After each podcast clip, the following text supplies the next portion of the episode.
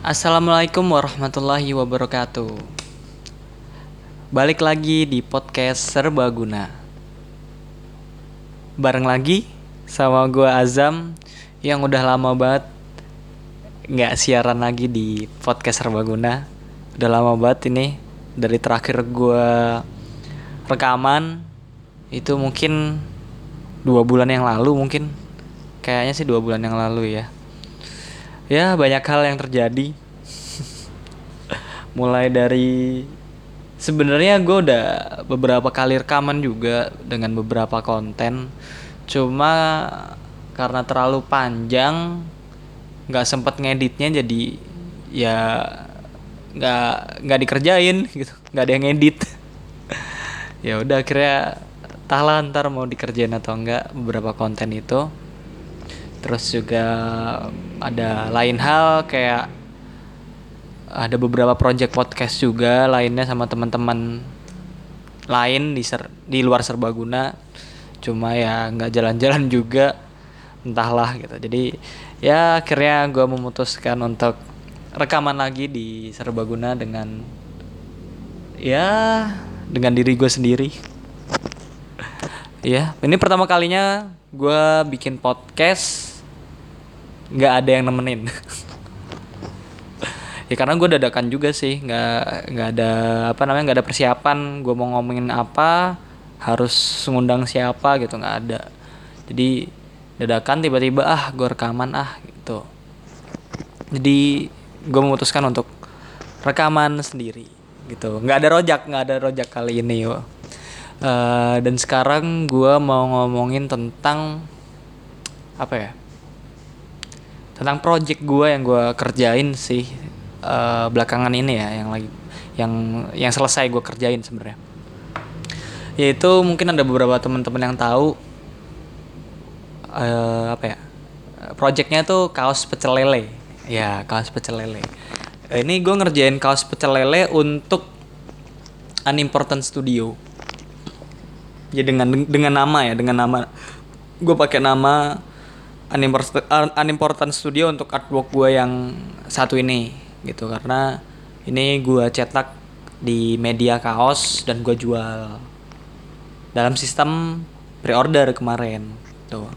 Tapi kalau lihat looksnya mungkin temen, buat teman-teman yang lah yang tahu gitu mungkin gue bakal ceritain sih uh, konsepnya tuh apa kayak gimana. Latar belakang gagasannya kayak gimana gitu karena apa ya gue angkat tema ini karena menurut gue ini satu pencapaian yang menurut gue cukup cukup bagus sih buat gue pribadi untuk apa ya untuk mungkin desainer desainer grafis kayak gue ini yang nggak seberapa gitu. Tapi gue bisa uh, bikin apa sesuatu yang cukup fenomenal lah di circle di circle gue gitu yang nggak nggak besar besar banget circle-nya gitu. Cuma ya gue suka aja sama apa namanya ya feedback dari temen-temen sih gitu. Yang gue rasa akhirnya ya project gue kali ini itu cukup berhasil. Nah oke gue mau mulai pengen jelasin nih uh, apa sih sebenarnya yang terjadi sampai akhirnya gue ngeluarin karya itu gitu karya pecel lele ini.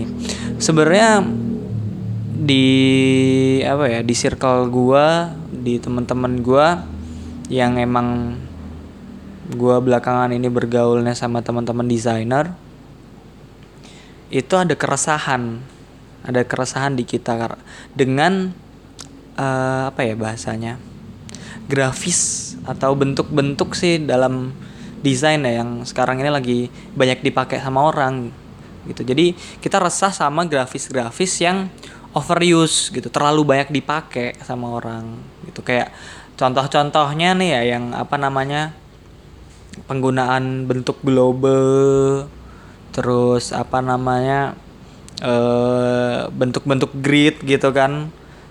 Apa grid itu garis-garis kotak-kotak kayak gitu terus warna-warna neon terutama penggunaan font-font yang sifatnya tuh extend memanjang memanjang ke samping ya extend itu gitu. Terutama penggunaan font monumen namanya monumen font nama fontnya ya gitu. Itu jadi apa namanya eh keresahan buat kita. Itu bagi kita udah overuse karena apa ya eh ya lu kalau udah pakai beberapa uh, beberapa grafis yang gue bilang tadi tuh kesannya udah jelas keren gitu auto keren bahasa gue sama teman-teman. Jadi kalau lo pakai grafis-grafis itu udah jelas karya lu bagus gitu desain lu bagus gitu lah. Secara looks ya secara looks. Ya ya udah kita rasa sama itu. Jadi kayak ketika kita ngeliat sesuatu yang apa ya yang artwork yang sekarang lagi hype yang kayak gitulah grafis-grafis itu kita ngerasa ah udah bosen gitu kan. Terus ngerasa ya artwork itu nggak nggak seberapa lah jadinya. Karena lo ketika lo pakai grafis-grafis itu udah jelas jelas bagus jelas keren dan ya nggak sulit lah jadi desainer kalau lo pakai uh, grafis-grafis kayak gitu gitu ya ya udah kira isu-isu isu-isu itu uh, jadi bahan obrolan buat kita gitu. Jadi apa namanya uh, keresahan buat kita sendiri. Akhirnya uh, sering obrolan-obrolan tentang uh, grafis yang overuse itu di tongkrongan gue sama teman-teman gue akhirnya gue pada suatu hari gue makan di sebuah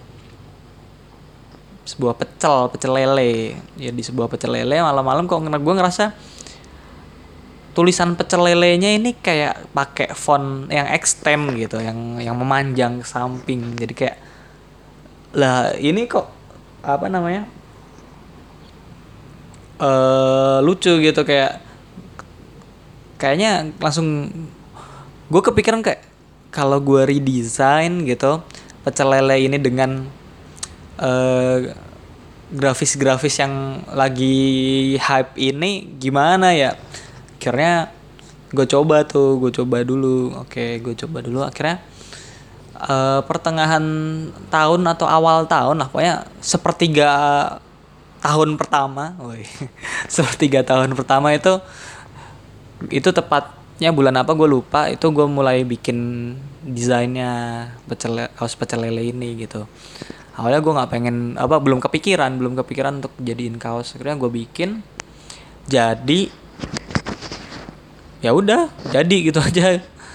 Gue nggak nggak ada kepikiran buat publish atau apa cuma gue simpen sampai lama buat dan baru gue share itu di Instagram gue mau upin di kaos terus gue share di Instagram terus sekitar sebulan kemarin. Itu berarti November ya mungkin awal-awal November kalau nggak salah itu gue gue share di Instagram gue pribadi gue pri tapi udah gue mau upin di kaos pakai nama Unimportant Studio gitu. Unimportant Studio itu kan uh, punya Rojak sebenarnya gitu. Bukan bukan bukan brand clothing bukan sebenarnya gitu. Cuma yang wadah buat buat eksplorasi kalau lagi punya ide-ide yang bagus gitu. Jadi ya udah gue taruhin untuk Unimportant Studio. Tuh. Dan ternyata pas gue share di Instagram pribadi gue ternyata cukup ada teman-teman yang responnya bagus gitu minta jadiin zam jadiin zam gitu akhirnya ya udah Bismillah gue jadiin dengan sistem pre-order gitu ya gue sih waktu itu gue bikin pre-order dah gitu nggak berharap banyak lah paling nyetak dua apa selusin aja udah dua lusin mungkin lah untuk karena pakai sablon plastisol kan rasterize nih image pakainya ya.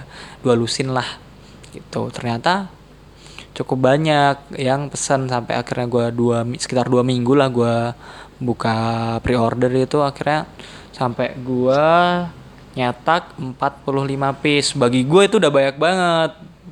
Karena beberapa kali gue sebelumnya bikin pre-order ya paling selusin lah gitu. Atau mungkin beberapa teman-teman yang lain bikin pre-order juga nggak nggak sampai segitu gitu. Jadi bagi gue ya cukup seneng lah. Gue bahasa gue mungkin ini satu yang fenomenal dari seorang gua yang gak seberapa gitu. Terus apalagi ya yang gue ceritain?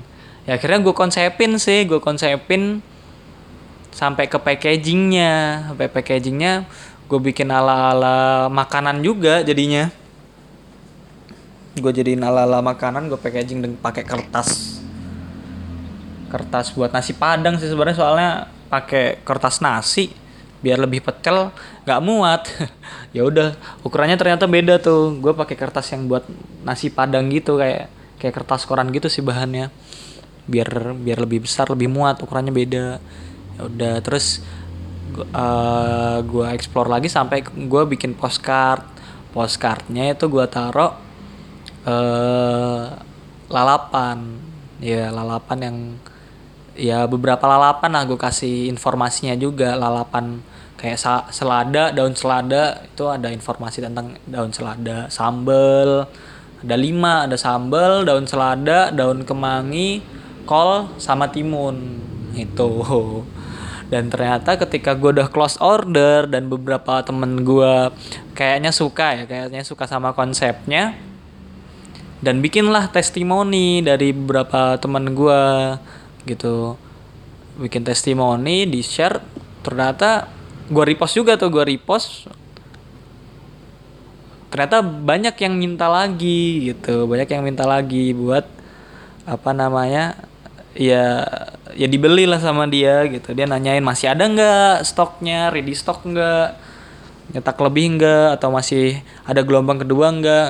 Ya ya gue nggak ada gitu. Karena nyetak segitu doang dan gue nggak tahu bakal uh, pre-order gelombang selanjutnya atau enggak gue nggak tahu gitu. Lihat nanti. Jadi gue seneng aja gitu ngelihatnya apa namanya sampai konsepnya diakuin. Masih ya teman-teman suka lah kayaknya ya kayaknya. Kayaknya suka lah gue lihat gitu. Sampai ada lebih dari 10 orang-orang yang apa namanya yang nanyain sih yang nanyain masih ready atau enggak op, buka pre-order selanjutnya atau enggak gitu. Jadi gue di luar ekspektasi gue karena gue tuh nggak pede buat apa ya bukan nggak pede kayak bahasanya ya nggak kepikiran buat ini tuh dikomersilin secara merchandise ya, secara kaos waktu itu. Makanya dari gua buat itu sep, apa sepertiga tahun pertama di tahun 2019 sampai akhirnya November baru mulai gua jual itu kan anoknya lama ya gitu. Jadi ya itu karena gua nggak nggak kepikiran buat gue jual awalnya gitu. Nggak pede juga sih sebenarnya. Ternyata ya mungkin cukup apa ya? Cukup menarik mungkin konsepnya. Jadi banyak yang suka. Soalnya ada beberapa juga yang akhirnya ngajak gue ngobrol diskusi dengan apa karena konsep ini ya gitu. Karena ketika uh, itu waktu itu ada temen yang nanyain gitu zam maksud lo apa sih konsepnya? Gini soalnya ketika di circle gue di apa ada beberapa brand juga yang emang apa ya kenalan juga teman-teman juga yang ngerjain ya pakai uh, grafis-grafis yang overuse itulah gitu. Terus dengan konten-konten yang uh, mungkin kekinian lah mirip-mirip gitu. Tapi gue apa ya ngerjain apa mengadak uh, bikin desain yang cukup plot twist kata kata temen gue ya ketika ada orang-orang bikin mitologi-mitologi lokal maupun luar negeri gitu di apa dipakai pak, e, menggunakan ya menggunakan pendekatan visual yang kekinian yang hype bis atau apalah bahasanya. Gue nggak tahu style desainnya sih. Ya bahasa gue sih auto keren ya pakai pakai style auto keren. Dan gue di sini beda gitu. Ada plot twist yang uh, ketika orang-orang pakai apa kontennya adalah mitologi gue malah uh, sesuatu yang mungkin kesannya sedikit bercanda gitu. Terus juga uh, bis ini apa menurut gue ini kenapa bisa ini ini gue mencoba mengkaji ya mengkaji karya gue sendiri kenapa bisa cukup bagus cukup dapat respon yang bagus dari teman-teman tuh karena pertama tadi looksnya grafis-grafis yang overuse yang gampang banget buat diterima sama orang. Terus juga kontennya itu pecel lele. Pecel lele ini kan punya fenomenanya sendiri ya. Dia adalah kearifan lokal yang jadi fenomena. Karena dia punya stylenya sendiri yang udah dikenal sama orang banyak karena karena puluhan tahun udah lama banget gitu ya. Suatu yang tradisional banget semua orang tahu dan style desainnya pecel lele kan kita tahu ya. Dia punya ciri khas sendiri dan bahkan jadi fenomena yang stylenya ini sering dipakai untuk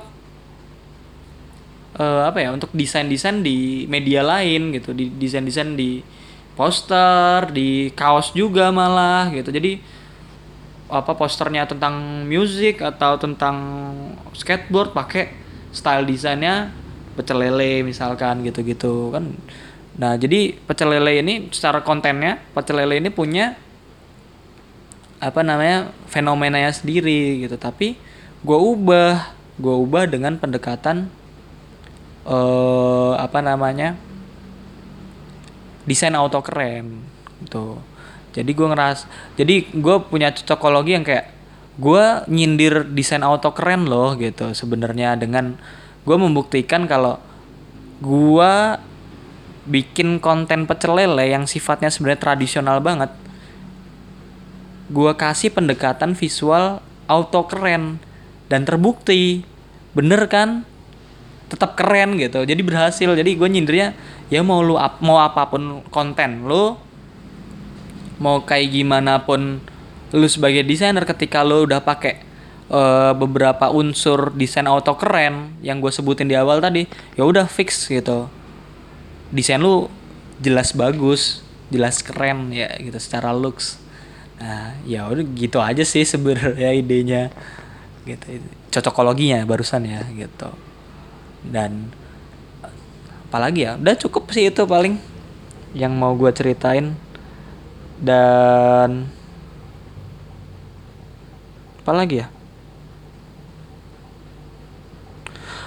paling ya pencapaian desain ini dari desain ini gue ngerasa jadi ada beban sih ketika gue mau nyoba gue mau nyoba buat bikin artwork lagi setelah ini itu gue nguliknya susah gitu belum dapat kayak masih ragu gitu. Ada beberapa ide yang ketika gue compare sama pecel lele uh, desain yang pecel lele sekarang ini jadi kayak gak yakin aja gitu karena uh, apa namanya patokannya udah cukup tinggi gitu standarnya.